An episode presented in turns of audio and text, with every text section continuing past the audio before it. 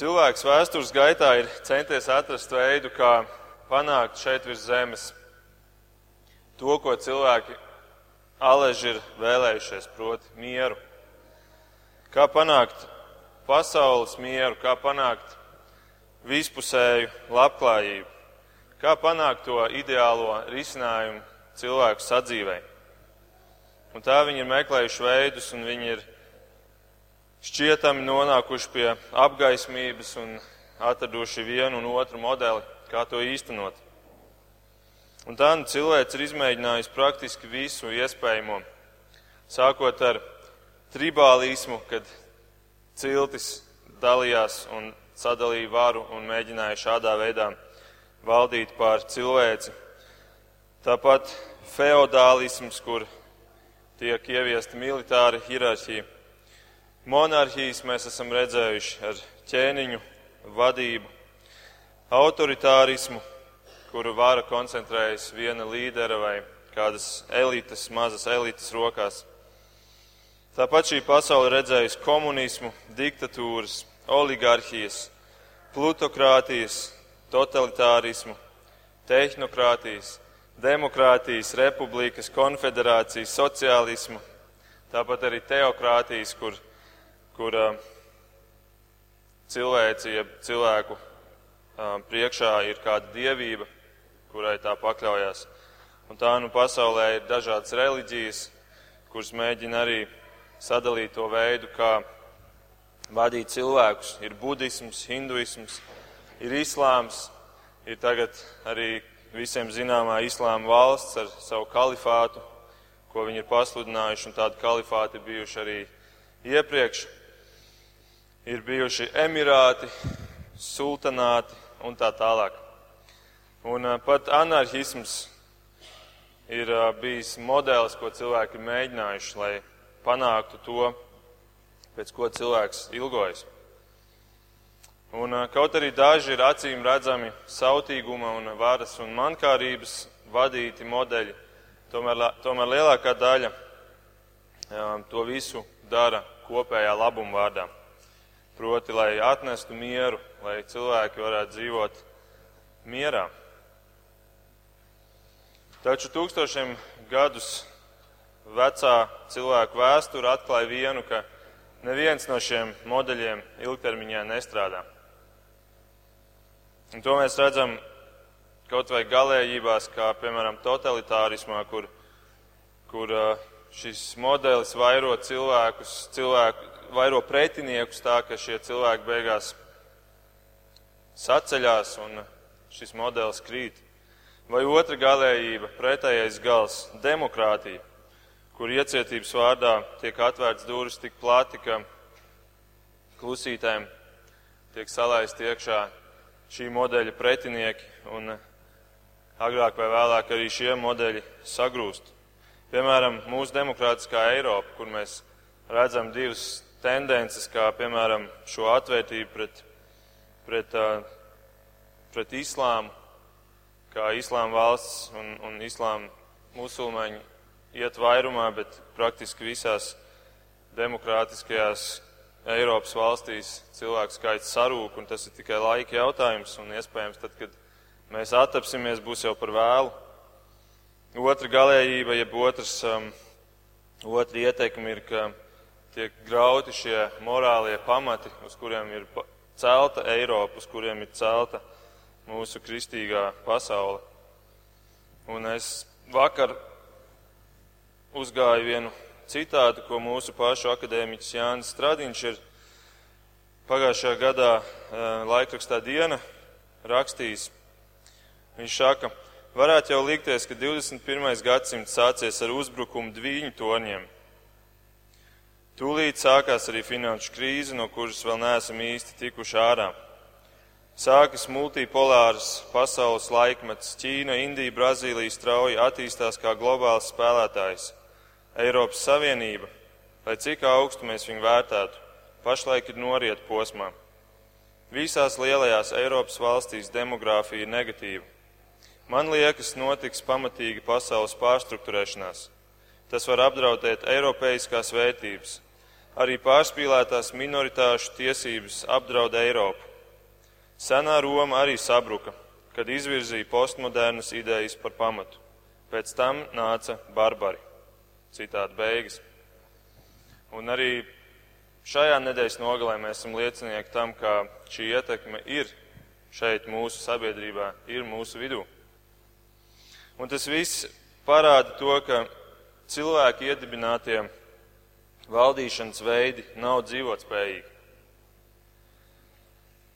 Un es ticu, ka tas ir arī tas iemesls, kādēļ Dievs to pieļauj, kādēļ tas viss notiek, ka Dievs vēlas pierādīt mums, cilvēkiem, ka visi šie modeļi, kurus mēs balstam uz nepareiziem pamatiem, nestrādā.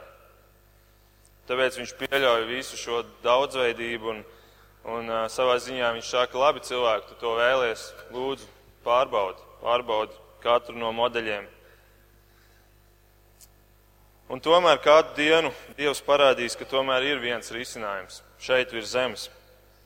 Ir viens modelis, kas darbojas, un te es nerunāju par debesīm, bet es runāju par šīs pasaules dzīvi. Viens modelis, kurā nevaldīs ne demokrātija, ne totalitārisms, bet valdīs patiesība, valdīs Kristus, valdīs pats šīs pasaules radītājs. Un šajā vēstures pēdējā cēlienā tad valdīs beidzot tas patiesais miers, kur cilvēki, pēc kura cilvēki tik ļoti ilgojas. Un tādēļ šo valstību sauc par mieru valstību. Mieru valstību, tūkstošu gadu mieru valstību. Un par to mēs varam lasīt, piemēram, jau 3000 gadus atpakaļ kad eh, Jesaja savas grāmatas otrās nodaļas ceturtajā pantā saka, viņš tiesās ļaudis, spriedīs par daudzām tautām, tad tie pārkals savus zobenus arklos un savus šķēpus ecēšās. Tauta pret tautu vairs zobenu necels un karot vairs nemācīsies. Vai arī Mīha, Mīhas grāmatas 3. 4. nodaļā, 3. pantā. Viņš spriedīs tā, tiesu starp daudzām tautām, izšķirs strīdus starp varenām tālām tautām. Tie pārkals savus zobenus lemešos un savus šķēpus dārznieku nažos. Tauta pret tautu necels zobenu un vairs nemācīsies karot. Tas būs laikmets, kurā valdīs patiesais miers, kurā tauts vairs nekaros viens pret otru. Bet šajā laikmetā būs vēl viena svarīga pazīme, un tas ir tas, ko mēs jau lasījām ievadā no Iesais 35. Un tur ir teikts tā, tad aklajam atvērsies acis un atdarīsies kurlā ausis. Tad lēks kā briedis, tad klibie lēks kā briedis, un gavilēs mēmajam mēle. Tātad tas būs laiks, kad būs miers, bet kad arī klībie staigās, kurlie dzirdēs, līkie iztaisnosies, mēmie runās un aklajiem atvērsies acis. Un savā ziņā mēs varam teikt, tās būs debesis virs zemes, beidzot. Un lūk, šādu Šādu ķēniņu valsti sagaidīs šī pasaule.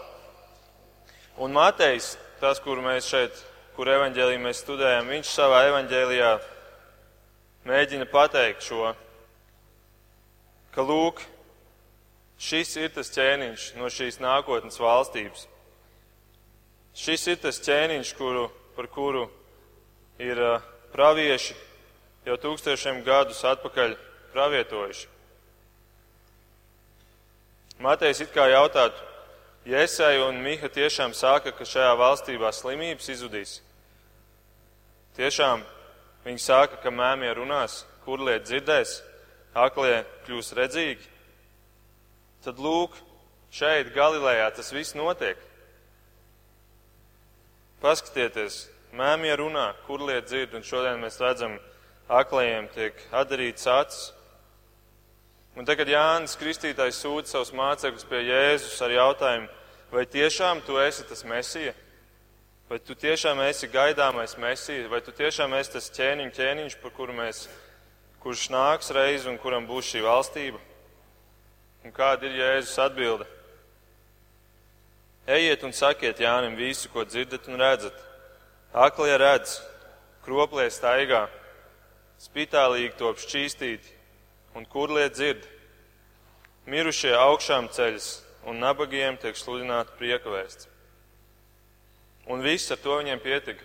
Tā bija atbilde, kuru bija skaidrs, ka jā, tas ir mesija, tas ir gaidāmais mesija. Jēzum ir šī vara, un, un pirms 2000 gadiem tur Galilējā Jēzus parādīja mazu ieskatu tajā, kas mūs sagaida nākotnē, kas mūs sagaida šeit virs zemes, un mēs, katrs, kas esam Kristus mācekļi un un eh, kas esam jaunpiedzimuši, mēs tur būsim kādu dienu. Pirms debesīm mēs būsim šādā vietā. Iesai pravietoja, ka klībie tiks dziedināti, mēmie tiks dziedināti, aklie tiks dziedināti.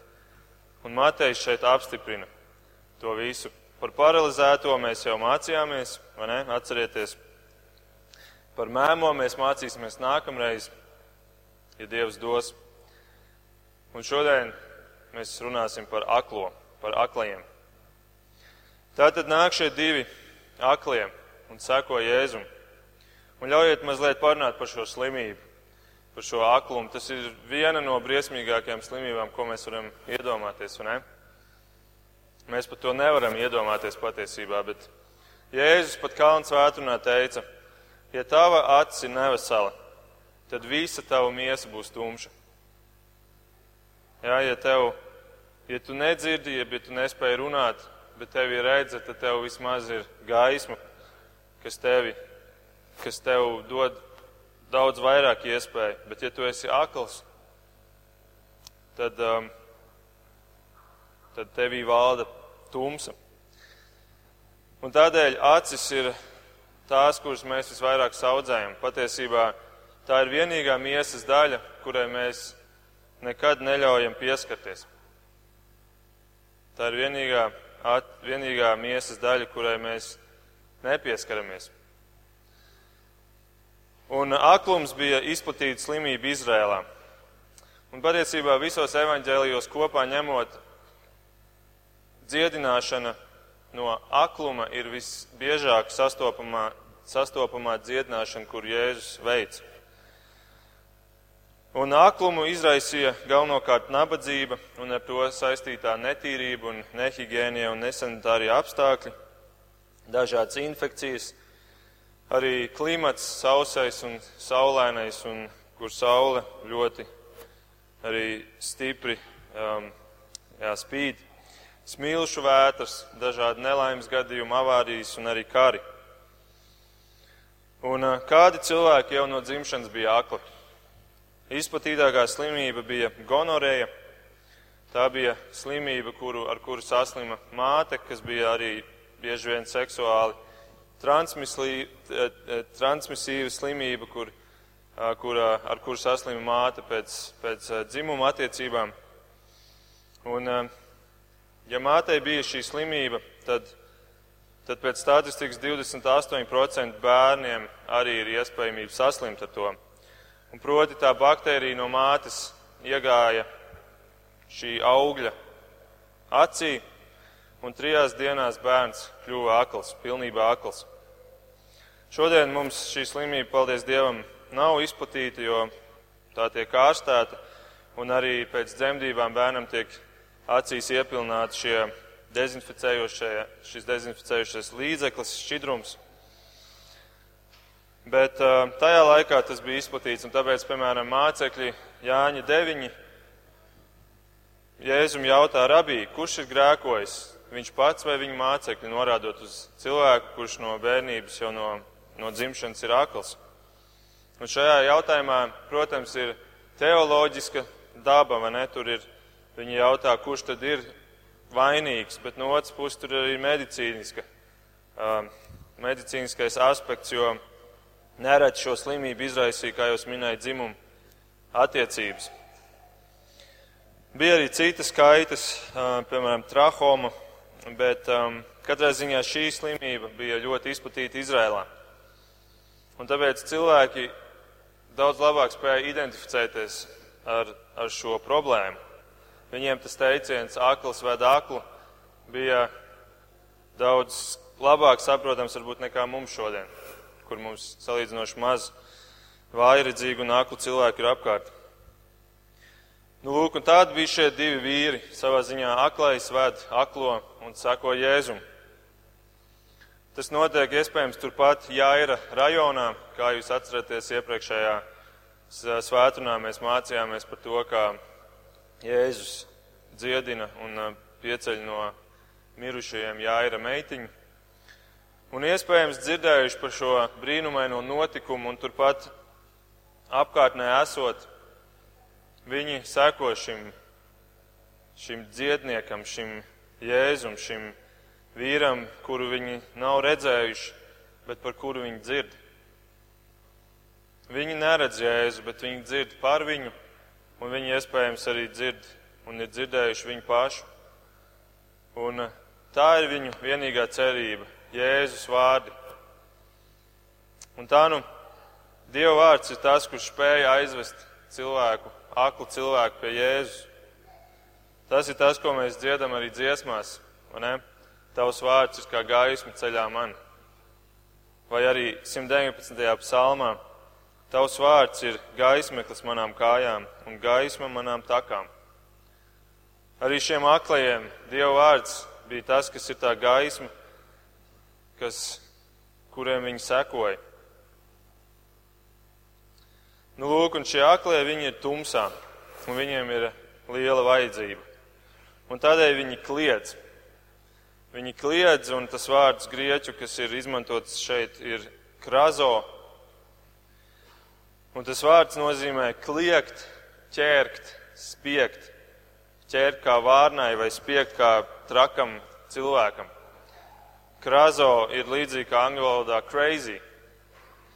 Tā, tā, tā pati sakne. Un, Un šis pats vārds ir izmantots tepat šajā nodaļā, kur mēs arī mācījāmies par tiem dēmonu apsēstajiem.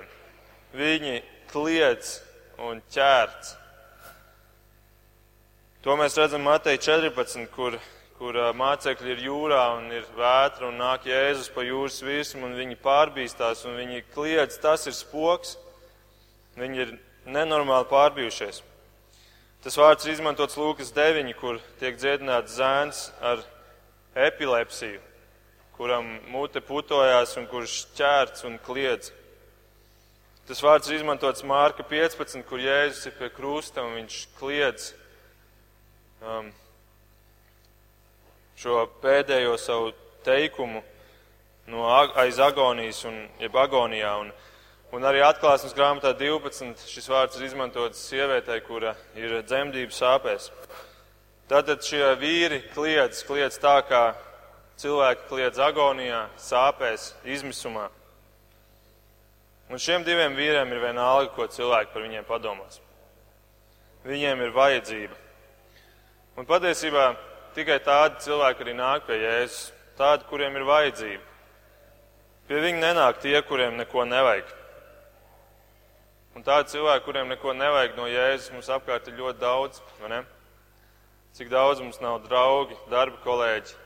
Viņiem nevajag Jēzu. Jēzus viņiem šķietam neko nevar dot. Un tad labākais, ko mēs varam darīt, ir lūgt par viņiem, lai Dievs viņiem rada situāciju, lai viņi nonāk stāvoklī, kur viņiem ir šāds izmisums. Tas varbūt izklausās brutāli, bet tas ir labākais, kas var notikt ar cilvēku, ka viņš nonāk šādā izmisuma stāvoklī, kad viņam tiešām vajag Kristu. Un tā nu šie vīri kliedz, un viņi kliedz Dāvida dēls, Dāvida dēls. Dāvida dēls, tātad viņi zināja par tiem pravietojumiem. Viņi zināja, ka mēsiem ir jānāk caur Dāvida līniju. Un varbūt Varbūt viņi zināja to pašu Iesai 35, ka šis Dāvida dēls nāks un viņš dziedinās aklos. Un tā nu viņi kliedz un viņi apliecina, ka viņi tic, ka tas ir Mēsija. Tas nav vienkārši kaut kāds brīnumdārs, bet viņi tic, tas ir šis dāvda dēls.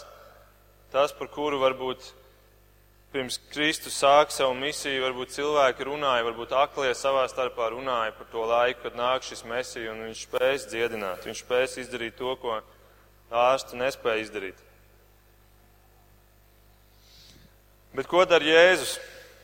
Liekas, ka Jēzus ignorē viņus jo viņi tur seko viņam, viņi kliedz.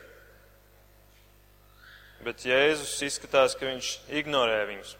Katrā ziņā viņš tur nav teikts, ka viņš uzreiz atsaucās viņiem. Tas notiek tikai vēlāk, kad viņš ienāk namā. Un tā nu Jēzus iespējams pārbauda viņu ticību. Tāpat kā arī mums viņš pārbauda ticību. Kad mēs lūdzam kaut ko, un mēs noteikti esam lūguši par kādām vajadzībām un ir bijis jāgaida. Nav bijusi atbilde. Varbūt arī šodien mēs lūdzam par kādu risinājumu un, un tās atbildes nav. Bet Kristus pārbauda ticību un, ja tu tiešām vēlies to, ko tu lūdz, tad tu arī izturēsi līdz galam. Un Jēzus arī mācīja neatlaidību. Atcerieties, Kalnu svētdienā. Viņš mācīja būt neatlaidīgiem lūgšanā. Un viņš arī to sludināja Lūkas 11, tad, kad viņš deva šo līdzību par, par cilvēku, kurš nāk pie sava drauga nakts vidū un viņam lūdz, dod man, dod man maizi, un, un viņš ar neatlaidību to dara, un šis draugs piecelsies, un viņš dos. Un tā arī notiek šo aklo gadījumā.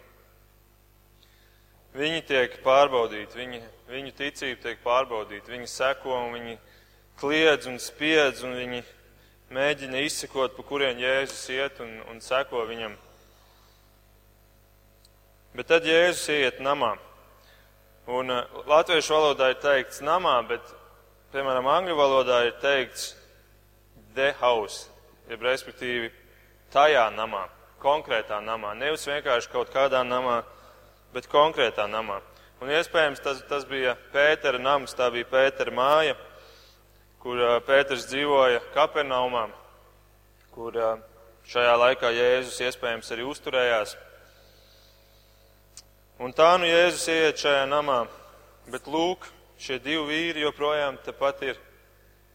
Šie divi vīri ir izsekojuši un joprojām ir šeit.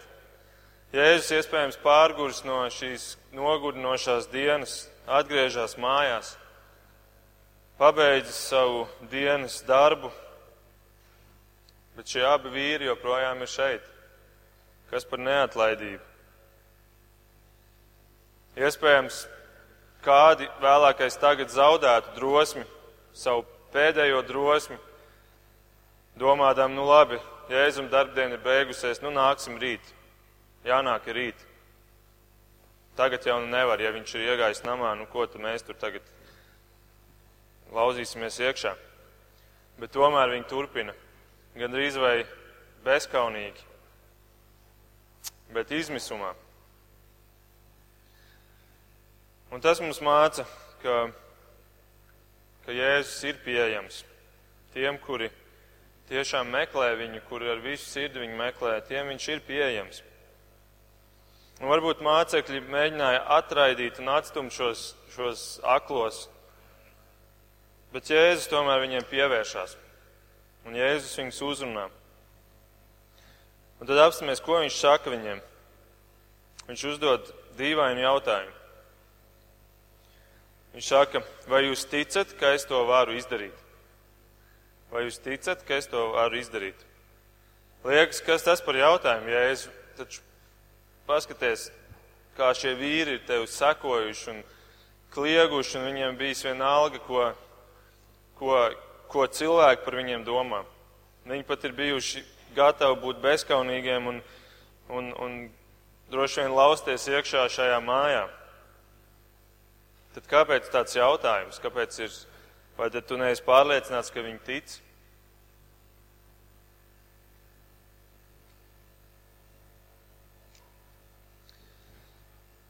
Un es ticu, ka Jēzus to dara tādēļ, lai, lai viņi apliecinātu savu ticību ar muti.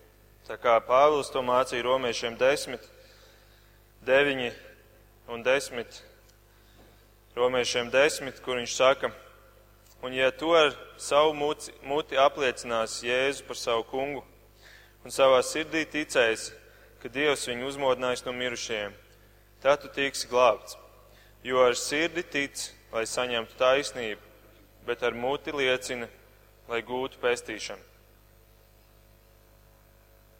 Nu, lūk, un šie vīri bija ar savu sirdi apliecinājuši, ka viņiem ir, ka viņi tic šim Kristum, ka viņi seko viņam, ka viņš ir Dāvida dēls. Un tomēr Jēzus saka, vai jūs ticat? Un Pāvils saka, ja to ar muti apliecināsi Jēzu par ko? Par kungu. Un pastieties, ko šie aklie atbild. Viņi saka, jā, kungs. Jā, kungs. Viņiem nebija pieejama jaunā derība, jo, Pā, jo Pāvils vēl nebija sācis rakstīt to, bet viņi jau atbild tā kā kristietis, kurš, kuram Kristus nav tikai brīnumdars vai tikai glābējs vienai glābšanas akcijai, bet kuram Jēzus ir kungs, kuram sekot, kuram kalpot. Un viņi saka, jā, kungs. Un es ticu, šis jautājums, kur Jēzus uzdod, atklāja to, to būtību, kas Jēzum ir svarīga dziedināšanā. Ka viņam nav svarīga tikai fiziskā dziedināšana, bet ka viņam ir svarīga kas? Glābšana. Ka viņam ir svarīga garīgā dziedināšana. Un tas pirmais iespējas varbūt rodās, ka Jēzus prasa ticību, lai cilvēks tiktu fiziski dziedināts. Bet, ziniet, patiesība ir tā, ka Jēzus daudz dziedināja, kuriem nebija ticības. Piemēram, tepat šajā nodaļā bija tas pats, tie paši dēmoni apsēstie, kuriem bija dēmonu leģions. Jēzus viņu dziedināja, viņiem nebija ticības, vismaz mēs neredzam, ka būtu minēts, ka viņi būtu ar lielu ticību bijuši, ka viņi pat vispār būtu spējuši ticēt. Un tādēļ ticība nav obligāta sastāvdaļa fiziskai dziedināšanai. Un kāds teiks, pagaidi, bet, bet viņi taču tiek dziedināti ticības dēļ. Un atbilde ir nē, viņi netiek dziedināti ticības dēļ, viņi tiek dziedināti Dieva suverenitātes dēļ. Tā ir Dieva izvēle. Un tāpēc Jēzus tik bieži uzsver, ka es esmu nācis darīt savu tēva gribu, darīt to, kas ir viņa griba. Katra dziedināšana, kuru viņš veica ar vai bez ticības, bija viņa tēva griba, jo viņš dara tikai to, kas ir viņa tēva griba. Un ziniet, tas vārds, kas šeit ir arī izmantots vārdam ticība, ir pistis. Grieķu vārds pistis. Un šis vārds tiek lietots nevis fiziskai dziedināšanai, bet glābšanai. Te ir runa par glābšanu. Jēzus daudzus fiziski dziedināja, kuriem nebija ticības, bet viņš glābi tikai tos, kuriem ir ticība. Tā kā līdzīgi kā tas vīrs, kurš saka, es ticu, bet palīdz man manā neticībā. Tā it kā mēs nākam ar mūsu mazo ticību, bet Jēzus to pārvērš glābjošajā ticībā. Un jā, ticība spēja darīt lielas lietas, Mēs lasām, ka spēja pat pārcelt kalnus. Bet kalnu pārcelšana nav nekas salīdzinot ar cilvēku jaunpiedzimšanu. Un to ir svarīgi saprast, un es ticu, ka ir, ir, tā ir tā proporcija starp to fizisko un garīgo Jēzus kalpošanā un Jēzus misijā. Viņš šo primāri dara garīgās dziedināšanas dēļ. Jo kāda gan jēga ir dziedināt cilvēku fiziski, lai viņš pāris gadus nodzīvo komfortā, bet pēc tam dzīvo mūžību pazušanā. Un iespējams tādēļ arī Jēzus šiem aklajiem beigās saka, neiet un nesakiet to. Kādēļ? Tādēļ, ka šie vārdi par fizisko dziedināšanu izplatīsies paši par sevi. Par brīnumiem visi mīl runāt. Bet man ir svarīga garīgā dziedināšana. Man ir svarīgi, ka Dzīvības vārds ir tas, kas aiziet cilvēkos. Un tā nu šie vīri stāv namā, un Jēzus ir viņu priekšā. Un šie vīri stāv tumsā, un šī saruna viņiem notiek tumsā. Jautājums ar atbildi mijās, bet tad viņi pēkšņi sajūt pieskārienu. Un Jēzus pieskarās, un cik skaisti, ka Jēzus pieskarās cilvēkiem. Jēzus pieskarās tiem, kuriem cilvēki negrib pieskarties. Un Jēzus pieskarās viņiem, un pēkšņi viņiem ienāk gaisma viņos. Viņu acis atverās, un viņi redz savu kungu stāvam viņu priekšā. Un arī mēs kādu dienu tā stāvēsim. Mēs šajā dzīvē dzirdam par viņu, mēs lasām par viņu, mēs lūdzam viņu un, un, un dzirdam viņa balsi mūsu sirdīs. Bet kādu dienu mēs redzēsim viņu vaigu vaigā. Mēs tur stāvēsim tāpat kā šie aklie stāvēja savu kungu priekšā. Un šie aklie nāca ar divām lietām. Viņi nāca ar vajadzību, ar izmisumu, un viņi nāca ar ticību. Tāpat kā nāca centurions, tāpat kā nāca Jairs, tāpat kā nāca tie draugi, kuri nesa paralizēto, tāpat kā nāca šī sieviete, kurai bija asiņošana. Viņi visi nāca ar izmisumu, ar vajadzību un ar ticību ar šīm divām lietām. Un viņi saņēma divas lietas. Viņi saņēma fizisko dziedināšanu un garīgo dziedināšanu. Aklie saņēma fizisko redzi un garīgo redzi. Un man, gatavojoties šai tēmai, likās interesanti papētīt, vai ir liecības par cilvēkiem, kuri mūsdienās ir saņēmuši redzi. Cilvēki, kuri bijuši akli un uh, kuriem ir nu, bijusi kāda operācija un, un viņi ir ieguvuši vai atguvuši redzi. Un eh, ir tādi stāsti un ir tādi gadījumi, un ļaujiet es jums jā, pastāstīšu par, par kādu vīru. Bija tāds vīrs, kanādietis Piers Pols Tomas, kurš piedzima akls. Un 66 gadu vecumā tātad nodzīvojis praktiski visu savu dzīvi aklumā Vienu dienu viņš savā mājā nokrita pa kāpnēm.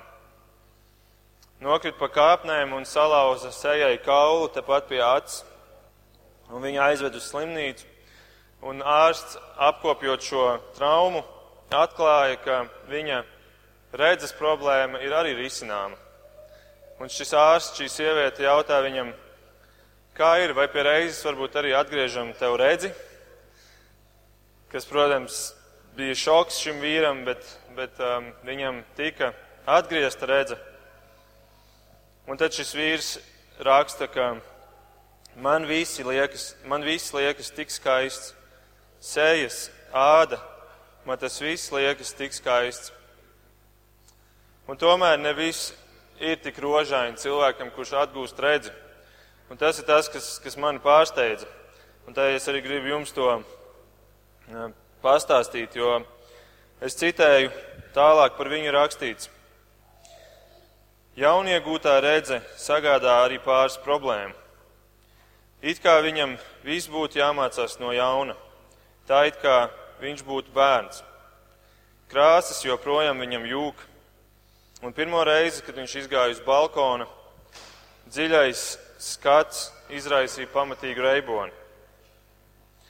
Arī ideja par priekšmetu vizuālo atcerēšanos ir apgrūtināta, un viņš joprojām atgriežas pie taustas un apkārtējās pasaules sajušanas, lai spētu saglabāt atmiņas, jeb lai spētu to saglabāt savu atmiņā. Un kādā citā avotā es lasīju, ka šīs pārmaiņas šādam iepriekš aklam cilvēkam ir ļoti smagas, psiholoģiski ļoti smagi.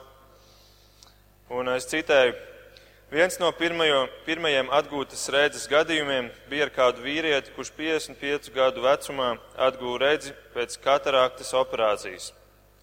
Katarakta ir, kad tev, es medicīnas varbūt korekti neizstāstīšu, bet kad tev aizmiglojās um, acī tā priekšējā daļa tā, ka tu vienkārši nespēji redzēt um, cauri pat tīri mehāniski, tīri fiziski.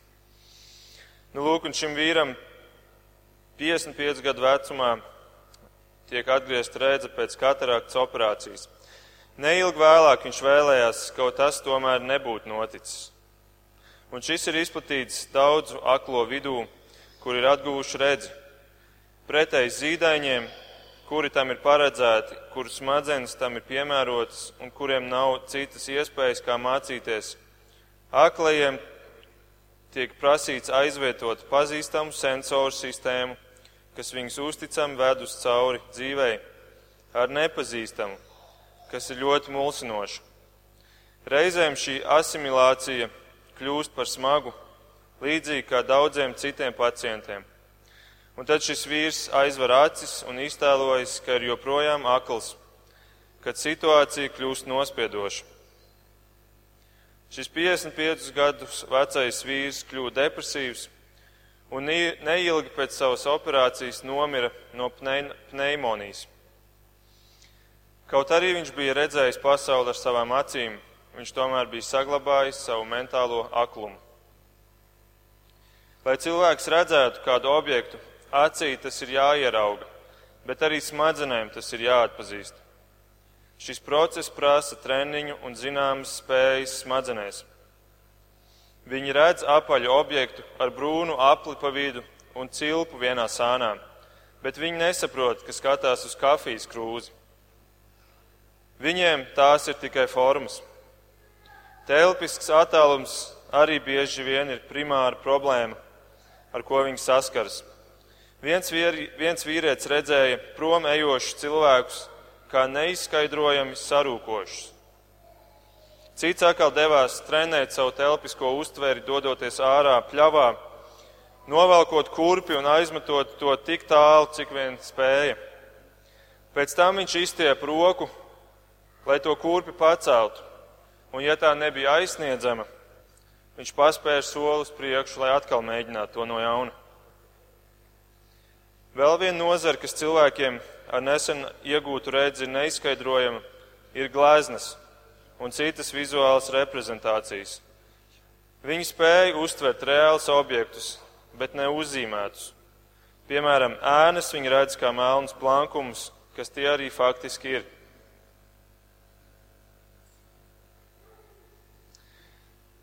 Un viņi bieži ir arī akli uz seju atpazīšanu, vai nespējīgi atšifrēt emocijas no sejas izteiksmēm.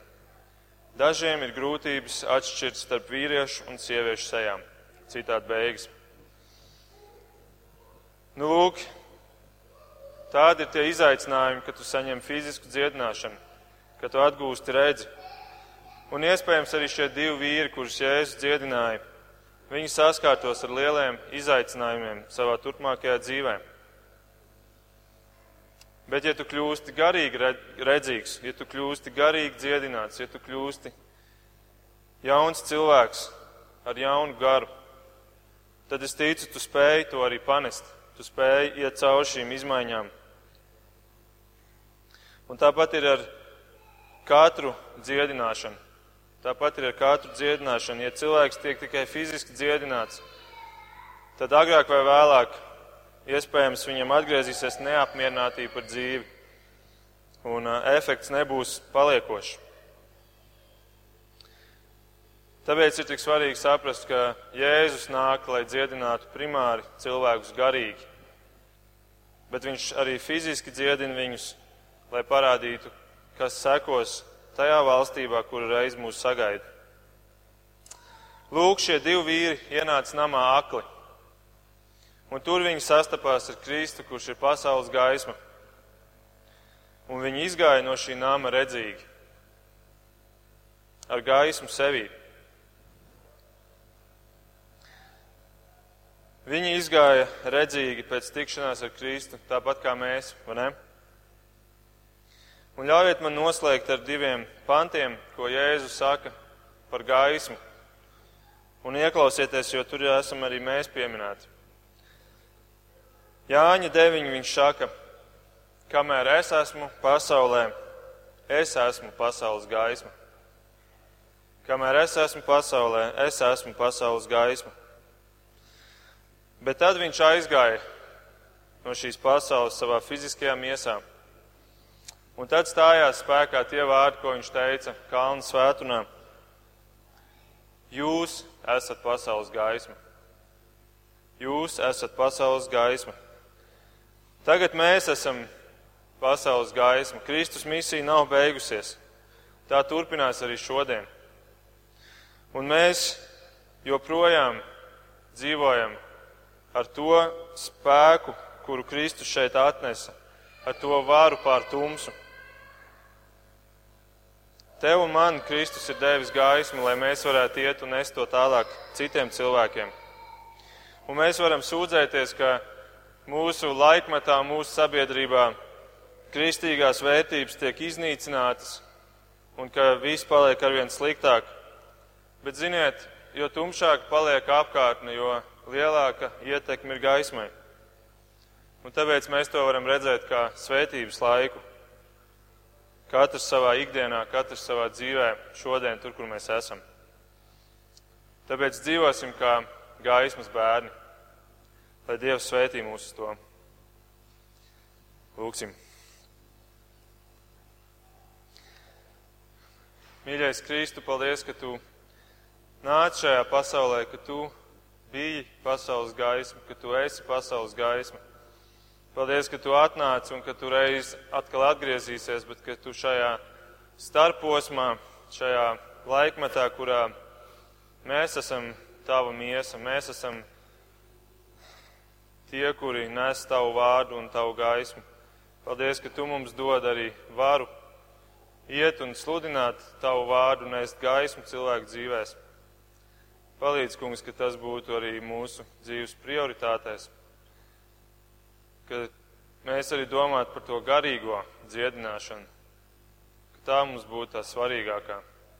Pirmkārt, pašiem sev, un arī tur, kur mēs ejam un esam tavu gaismu.